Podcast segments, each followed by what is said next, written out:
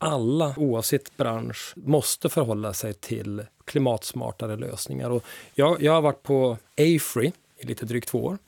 Och jag kan se bara på de två åren att det har varit, jag ska kalla det för en exponentiell utveckling i hur våra kunder förhåller sig till den här jättefrågan som vi har framför oss. Och här spelar ingenjören en jätteroll.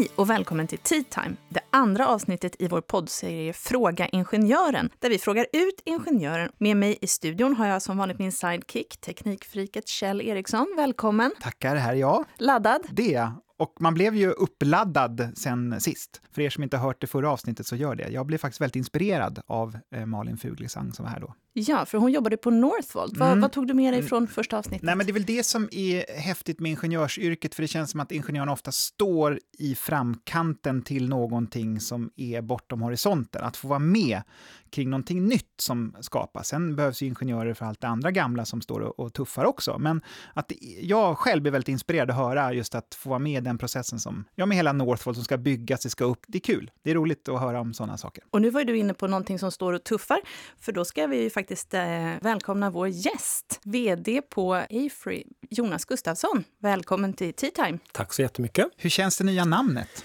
Det känns faktiskt jättebra. Eh, det är inte bara ett nytt namn, det betyder också att vi sätter en helt ny ambitionsnivå för vårt företag och det handlar väldigt mycket om hållbara lösningar som är egentligen kärnan av allt vad vi håller på med. Mm. Men ni var Ångpanneföreningen och ja, vi var, vi, vi, vi, var OF. 120, ja. Ja, eh, ja, men vi grund, grundades ju för 120 år sedan och det som är intressant tycker jag också att vi grundades ju med syfte att ha koll på ångpannor som exploderade någonstans där på slutet av 1800-talet.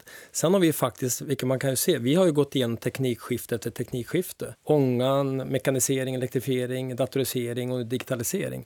Så det har väl varit en intressant resa för oss att vi har faktiskt klarat av alla de här teknikskiftena och hjälpt våra kunder genom många teknikskiften. Ja. Och nu står vi inför en stor utmaning som vi jobbar mycket med och det är klimatutmaningen där, där alla våra kunder på något sätt måste förhålla sig till hur, hur levererar vi bättre lösningar än vi har gjort så att vi klarar av den stora, stora utmaning som finns kring klimatet. Och hur märker du det här, att just den eh, pucken så att säga, intresserar många? Nej, men jag, kan, jag kan se det både på de som vi anställer, alltså man kan kalla det nya yngre generationen, att den här frågan finns på allas liksom medvetenhet, att vi måste bete oss annorlunda. Och sen ser jag också på våra kunder, stora företag, vi pratar på Northvolt, om man tittar på hela bilindustrin som faktiskt håller på med en jätteomställning och går mot elektrifiering och andra sätt att transportera sig än det man gjorde tidigare.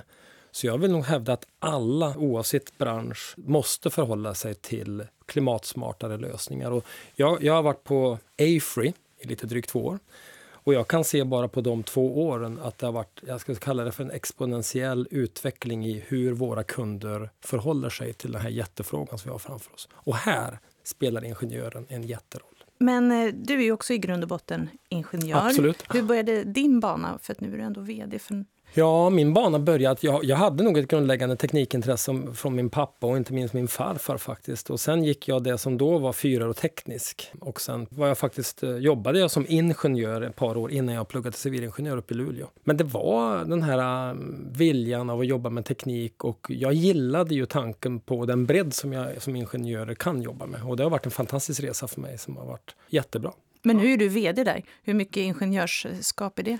Jag, jag, tror så att nu blev jag inte vd med en gång utan jag har jobbat 20 år i industribolag och jag har alltid haft nytta av min ingenjörsbas i alla de jag, jobb jag haft. Även om jag ganska tidigt kom in på ledarskap så har alltid eh, den grundkunskapen som jag fick med mig som, eh, när jag pluggade och även jobbade som mer traditionellt ingenjör har jag alltid haft med mig. Finns det någonting som du i vd-jobbet känner att du saknar som du hade med när du stod på golvet som ingenjör? Där? Jo, men alltså jag, jag, jag älskade och älskar också att nörda ner mig djupt i vissa delar. Jag tackade till och med ja till en doktorandtjänst som jag aldrig eh, blev någonting av för jag började på ABB. Men jag älskar egentligen också att nörda ner mig djupt i någonting. Och, och det kan jag fortfarande sakna här och bli riktigt bra på någonting. Nu är jag ju lite mer av en generalist. Så det kan jag sakna. Du vet, stänga dörren och låt mig vara, jag vill jobba djupt ner i det här. Och det, det har jag inte riktigt samma tid till. Som jag... Men nu i rollen som vd passar du på, för ni är så stort företag, ju, att knacka på dörren och säga här kommer vdn in, nu vill jag sätta mig och se lite grann vad du håller på med här och sådär. Ja, men det är ju lite av lyxen och det har ju varit på alla bolag, för det har varit fantastiska produkter om det var på Sandvik tidigare. Men vårt bolags lyx är att vi jobbar så brett med så många olika lösningar. Allt ifrån drönarteknologi och energilösningar och stora projekt i Asien till eh,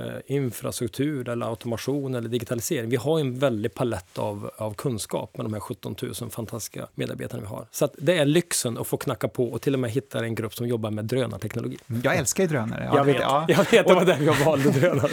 och då kan jag säga så här, jag har ju då eh, filmat ett av era drönarprojekt. Jag ska inte avslöja det igår, för det finns i min dokumentärfilm och se och så. Det gänget jag fick äran att möta då var ju oerhört varma, härliga personer, kreativa. Men jag fick ju såklart då höra lite grann om den här lekfullheten och skvaller. Och då, men då fick jag höra en grej om dig just, mm -hmm. att du hade inför en presentation tagit på dig en rymddräkt. Stämmer det här? Ja, det har jag gjort stämmer, vid ett par tillfällen faktiskt. Ett par tillfällen? Ja, ja, senast förra veckan kom jag in i en, ja, det var med en robotdräkt. Jag gillar att få komma in i rymddräkter. Det är faktiskt en av uppsidorna man var på Afree, att man ibland får komma in i rymddräkt. Jag tycker det är jätteskoj. Det var ju ganska bra skvaller du hade fått med Visst är det bra? Ja, men, det ja, men alltså, är det inte fantastiskt? En, en, man förväntar sig inte att en VD ska komma in i rymddräkt. Jag vet inte hur en VD ska komma. Jag har aldrig sett mig själv som en traditionell VD. Jag, jag råkade hamna i den här rollen efter massa, jag valde jobb som jag tyckte var roliga och helt plötsligt är jag här. Men jag ser mig inte själv som en VD, utan jag är nog mer en kille som kom in i en rymddräkt. Fantastiskt. Ja, det är otroligt mm. roligt. Ja. ja. det är nästan som man det skulle, skulle passa. vilja... Jag skulle vilja jobba på ja. ja. skulle passa mig. I förra avsnittet pratade vi rätt mycket om den ganska stereotypa bilden av en ingenjör. Hur skulle du vilja beskriva en ingenjör? Så, så breda uppgifter som finns för ingenjörer, om man bara tittar på vårt bolag, så tror jag att ett av problemen har varit just att beskriva att man kan jobba med jättemycket äh, olika saker. Eh, och jag tror att det ofta är slumpen som gör vart man hamnar. Men egentligen handlar det mycket om ingenjörsutbildningen, att man blir en riktigt, riktigt duktig problemlösare och lär sig eh, teknik och metodologi för att lösa problem. Och det kan man ju applicera på väldigt, väldigt många områden. Men den basen har med sig, den, har, den, den, är fruktansvärt användbar. Hur ska man beskriva det då? Om man ska sätta ord på det kanske till någon ung som kanske till och med redan har fördomar om en ingenjör? Ja, jag brukar säga att jag tror, ingenjörer jobbar just nu med att lösa de stora komplexa samhällsfrågorna. Och det är ju allt annat än att stå på ett eh, smutsigt verkstadsgolv kanske, eller vad nu bilden kan vara. Utan vi jobbar ju med de största frågorna i samhället. Ju. Och framförallt så tror jag att mycket av ingenjörskraften kommer att gå till att skapa det vi pratar om, hållbara klimatsmarta lösningar. Oavsett vilket område, om det är på infrastruktursidan eller om det är på industrisidan, energisidan eller vad det kan vara för någonting. Och det märker jag när vi träffar många av de som funderar på att börja jobba hos oss. Ja, och på tal om det så har vi faktiskt varit ute på stan och frågat lite just om den här bilden och eh, hur ungdomar och eh, unga vuxna och kanske en och annan lite äldre vuxen också ser på ingenjörsyrket. Om jag säger ingenjör, vad tänker ni på då? Jag tänker på någon som designar hus. Något tekniskt, någon som kan mycket matte. Vad gör en ingenjör? De gör jättemycket ingenjörer. Det är allt från grundsaker som de utvecklar och konstruerar saker och de följer upp processer, mycket efter effektivitet, hur man förbättrar arbetsmetoder. Om jag säger ingenjör, vad tänker ni att man gör då? Jag tror man kan jobba med mycket, alltså miljö, det vet jag. Min vän vill bli, eh, arbeta inom miljö, bli ingenjör. Eller så vet jag man kan bygga infrastruktur, tror jag. I framtiden så kommer det ju vara ganska mycket olika tekniska utmaningar. Vad tänker ni att ingenjörer kan bidra med där? Kan de lösa många av de problem vi står inför? Ja, absolut. Det tror jag. Ja. Det är därför man utbildar sig till ingenjör. Men jag för mig det för att göra smarta lösningar i vardagen ungefär. Så de kanske kommer på något så här jättesmart med solceller. Så vi... Eh, uppfinner eh, Eller inte uppfinner, men använder det på något sätt som vi inte gör idag. Vad gör en ingenjör? En ingenjör bygger maskiner, vägar och vattenledningar och sånt där. Tror du att de eh, kan göra någonting för att förbättra världen? Ja, men jag tror att vi behöver fler ingenjörer kanske om vi ska lösa de problem vi har med utsläpp och transport och trafik. Ja, Jonas, vad säger du om svaren vi fick på stan? Jag tyckte det var bra svar. Jag tyckte att det speglade till stor del eller, ja, eh, vad faktiskt en ingenjör gör. Och som de sa, att vi kommer att behöva mer ingenjörer. Ja, de unga var ju inne ganska mycket på det här med miljön, klimatet, vill hitta lösningar. Det speglade ju lite din bild också. Ja, det gör det faktiskt. Och rätt använt så är ju mycket av den tekniken som finns också digitalisering är ju lösningarna för många av de problem vi har att lösa. Hur ser det ut med kompetens? Har ni brist på kompetens eller är det hela tiden ett ständigt flöde? Eller hur, hur ja, alltså vi, vi, anställer, skulle jag tro, någonstans 300 eh, i månaden ungefär. Och sen har vi också en, en, utmaning med att en del slutar hos oss eh, i och med att vi växer ganska snabbt. Och det är klart att det är idag i, i Sverige och jag tror att det också är internationellt en utmaning och, och man slåss om kompetens. Speciellt som vi står i teknikskiften. Så många traditionella industrier står ju också och söker den nya kompetensen. Om, den nu, om man kan symbolisera med digitalisering som ett exempel. Mycket av den nya teknologin som är på väg in eh, är ett område där vi söker alla efter de personerna. Och ni eh, på AFRY har ju tillsatt en så kallad advisory board där ni har fyra unga kvinnliga studenter som agerar lite bollplank till dig. Kan du berätta mer om det här? Ja, det kommer sig av att vi är ett bolag som är snabbväxande och vi rekryterar ju många ingenjörer och vi, vi behöver växa. Men sen inser vi också att den då nya generationen som kommer in ställer ju andra krav på bolag som oss för att man ska tycka att vi vill, vill börja jobba hos oss. Och då sa vi låt oss ta några yngre och vi har också en utmaning med hur får man framförallt tjejer att vilja välja det här yrket. Då. Så det var egentligen så det grundades alltihop. Och sen har vi haft fyra träffar på ett år. Men sen har vi ett lite större nätverk också där vi kan ställa lite frågor och lyssna av vad är viktigt för att man ska vilja börja, börja jobba som ingenjör och börja jobba hos oss. Och vad säger de då? Ja, vad är det för krav? Vad är det för inspel? Ja, men jag tror att det är allt ifrån, allt ifrån tekniska saker. Vi pratar till exempel praktikplatser. Det är intressant eh, när de säger så här, men ni vill så gärna anställa oss när vi är klara, men det är svårt att få praktikplatser. Det måste ni bli bättre på. Vi pratar mycket ledarskap och där vill jag ju hävda att det ledarskapet som kanske fungerade för 20 år sedan, 10 år sedan inte fungerar nu. Och vad är det för saker som Nej, inte tror, funkar då? Ja, men jag tror att man måste uh, ha ett ledarskap som är mycket mer flexibelt. Man måste kunna jobba hemma, man måste vara modig, man måste få prova på, man måste få misslyckas, man måste få växa snabbare. Förr hette det när man jobbade, började kanske på de här gamla industribolagen de första tio åren, då är du praktikant. Så sa man ju på skoj på alla de industribolagen. Och säger man så nu, det är ju, det är ju livsfarligt att säga så nu för nu, nu anställer vi superkompetenta personer som på sex månader är beredda att gå ut och ta ett eget kundkonto. Men så var det inte förr. Då sa de du ska fem år för du kanske börja.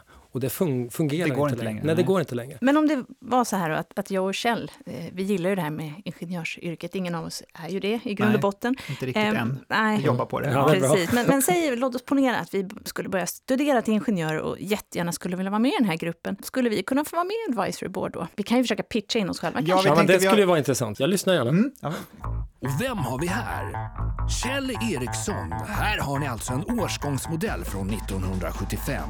Tyvärr ingen lågmilare, men ändå långt kvar till utbrändhet. Tog sitt PC-körkort redan på 90-talet, kan skriva skrivmaskin utan att titta på tangenterna och var aldrig riktigt rädd för millenniebuggen. Magisterexamen i LHS, livets hårda skola. Byggde lego redan som liten och sopsorterar dagligen. Just nu, mässpris, passa på-pris på Kjell.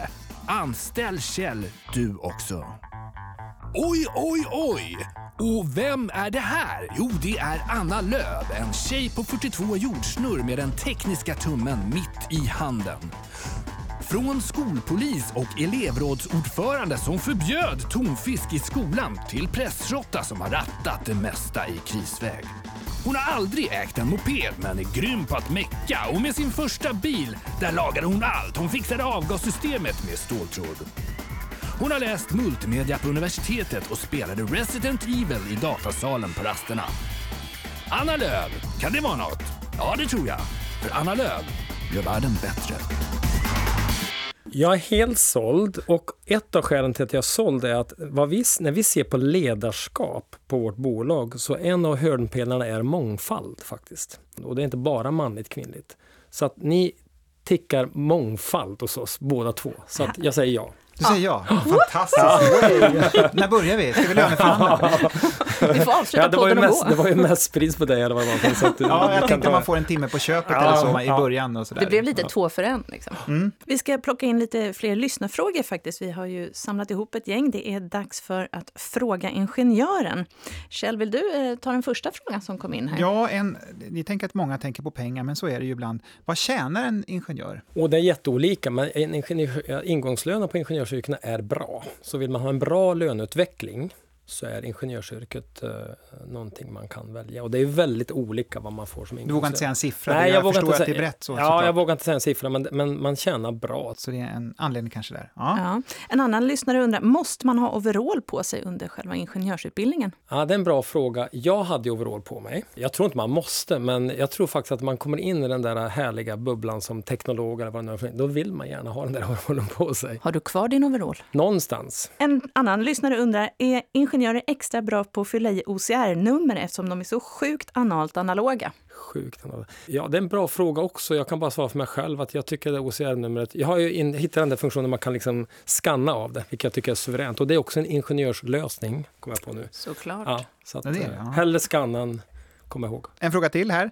Finns det någon ingenjör som aldrig varit på Price Runner och rotat? Förmodligen inte. Nej, jag antar att eh, frågeställaren här går lite grann på det här med att ingenjören alltid ska räkna och kolla och få översikten och det här med... Jag tror att det finns en del sådana här karak- nidbildskaraktärsdrag av ingenjörer som förmodligen inte stämmer. Återigen, det bolag jag jobbar på, ett ganska brett bolag, så träffar man ju eh, alla ingenjörer som är musiker, som är, gillar konst, som jobbar med eh, så brett. Och det är mycket möjligt att det här nidbilden av ingenjören som är en ganska nördig person som sitter och price-runnar allt. Apropå bredd så har vi ju faktiskt en helt annan ingenjör på tråden. Kjell, är du redo för Vem där? Mm, vi ska alltså försöka lista ut vilken typ av ingenjör vi plötsligt får på telefon. Ja, med bara egentligen fem frågor. Mm, inte Ja. mer. Får se hur det går. Ja, lycka till. Hallå? Vem där? Hallå? Hallå, hallå, det här är Tea Time. Är det en ingenjör? Det stämmer bra det. Jaha. Och du heter? Jag heter Daniel Hallberg. Vi tänkte ju gissa nu på vilken typ av ingenjör du är genom att vi då helt enkelt ställer ja och nej-frågor till dig. Jajamän. Jobbar du med att konstruera saker? Eh, ja. Konstruera Kjell. saker. Ja, ja. De saker som du konstruerar, får de plats i en etta med kokvrå? Det får de helt säkert. Oh, det får de. Oh, det är Oj, små det lät ju som grejer. det var jättelitet. Ja. Använder du eh, lödkolv till vardags? Eh, ja, men det förekommer. Förekommer. De prylar som du använder, förekommer de i en dator? Nej, det gör de... Ja, just det. Nej, det gör de inte. Det är ju någonting smått här nu. Ja. Det du jobbar med, har det någonting med el att göra? Eh, ja, det gör det. Och jag vill gissa, är du en elektroingenjör? Nej, det är jag inte. Det lät så proffsigt tyck- om du hade ja. sagt ja. Jag bara, visst, jag har full koll. Jag hade känt så. Aha, nej, det här var ju jättesvårt. Använder man den här saken du är med och, och gör till vardags? Nej, det gör man inte. Eh, utan det är bara andra företag, om man säger, som köper våra produkter. Lite business to business variant här. Kan du inte bara gissa då? Gör du någonting som har med bilar att göra? Eh, ja, det kan man säga. Mm, absolut.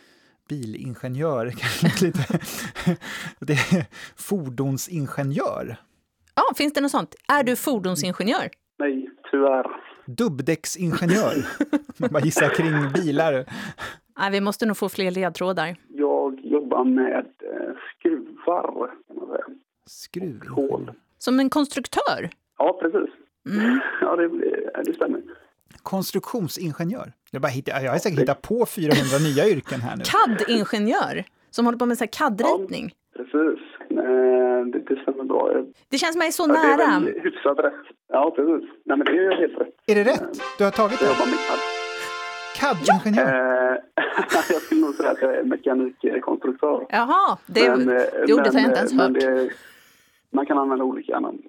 Ja, var jobbar du någonstans då, Daniel? Nu får du berätta. Nu är, vi, nu är det olidligt spännande faktiskt. Ja, kul. Jag jobbar på Atlas Copco eh, industriteknik eh, här i Stockholm. Och vad har du då gått för ingenjörsutbildning? Jag har läst maskinteknik. Där ser man. Vi var ju inte helt Nej, lost. var inte helt lost. Vad tillverkar egentligen Atlas Copco? Atlas Copco är ju rätt stort då, men jag jobbar på industritekniksidan så vi gör eh, borrmaskiner och skruvdragare slipmaskiner och lite mer så här, eh, mindre maskiner då, om man säger till fordonsindustrin och flygindustrin. Så, där. så det är väldigt så liksom, specialiserade verktyg. Specialverktyg, alltså inte, inte den här borrmaskinen man lånar av grannen och sen glömmer lämna tillbaka. Det är inte den. Nej, Nej. precis. precis. Men de är bra de också. Ja. det låter som du har en hel. Ja, tack Daniel. Då eh, vet vi lite mer i alla fall om, om eh, ett nytt ingenjörsyrke. Helt mm. Mm. Tack. tack så mycket. Hej då! Bra. Hej. Ja, Jonas, det var, det var en, en tuff omgång måste jag Bra säga. Bra jobbat! Och, ja, tack. Och du tyckte han var snäll? Eller? Ja, ja han var ganska snäll. Ja, vi, ska, vi har några till frågor när vi ändå äh, har ingenjören här. Gifter sig ingenjörer med andra ingenjörer? Uh, nej. Nej, för, för vår tidigare gäst Malin Fuglesang, hennes man var absolut ingenjör han med va? Ja, det finns säkert ingenjörer som gifter sig med ingenjörer, men jag tror att det finns en spridning där också. Faktiskt. Det är inga krav? Nej, jag kommer inte ihåg dem så faktiskt. Här kommer kanske också en fråga, alltså inte så mycket fråga utan lite mer ett wildcard-karaktär. Den lyder ungefär så här. Vilka mer likheter finns det mellan dig och Petter Stordalen förutom det mer utseendemässiga? Oj, det var en eh, överraskande fråga. Jag har inte riktigt tänkt på utseendemässiga faktiskt. Ja, kan, vad kan det vara mer? Han är ju, han är ju no jag är född eh, och uppvuxen väldigt nära norska gränsen. Där det kan har vi det. det kan vara. Sen, sen har han en, han både tjänar och har en något större förmögenhet än vad jag har. Det är väl ett har du hört det förr någon gång? Att, att, att är lika? Nej, jag, väl, jag kan också vilja dra lite grann i kanterna, komma in i rymddräkt och eh, jag gillar vårt bolag för det ger mig möjligheten att inte kanske gå precis i mittfåran varenda möte utan man kan också dra lite på och ha skoj och inte behöva vara gravallvarlig alla dagar i veckan. Det kanske vi har gemensamt. Sen tror jag att han är på en helt annan skala än vad jag är. Men jag jobbar på det. Vi har ett av våra värdeord är brave, modig. Och man får inte, vara, man får inte bara kasta sig ut, för då kan man ju, men man, får, man kan kasta sig ut under lite kontrollerade förhållanden.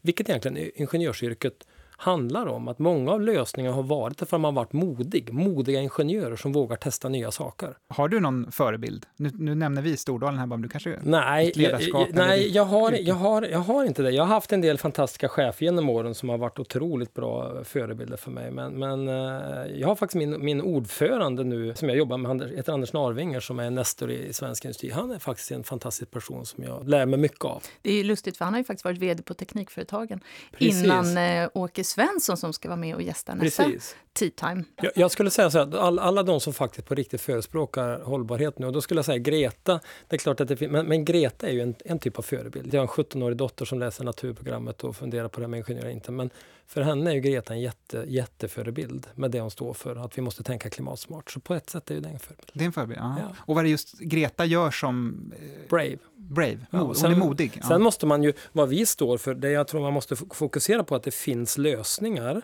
och många jobbar med lösningsorientering så man inte bara pratar om att allting håller på att gå åt fel håll. För det finns faktiskt väldigt, väldigt många saker som går åt rätt håll. Vi som ingenjörer, vi är ju lösningsorienterade. Och det är egentligen det det handlar om, att man kan presentera bra lösningar för det som, de utmaningar som finns. Men Greta är ju på ett sätt, hon sätter ju fingret på hur viktigt det är att komma med lösningar. Mm. Ja, det var väl nästan allt för idag. Va? Ja, det tycker jag. Det får knyta ihop Ja, det får knyta säcken. ihop säcken. Väldigt, Väldigt fint. Stort tack för idag, Jonas Gustafsson, civilingenjör i maskinteknik och VD på Afree. Tack så mycket och tack för att jag fick komma. Och tack till dig, Kjell. I avsnitt tre så gästas vi av ingenjören Åke Svensson som är ordförande på Teknikföretagen. Men inte bara det. Vi ska prata om hans tidigare arbetsplats Saab där han nämligen började som sommarjobbare och slutade som VD. Missa inte det. Hej då! Hej då!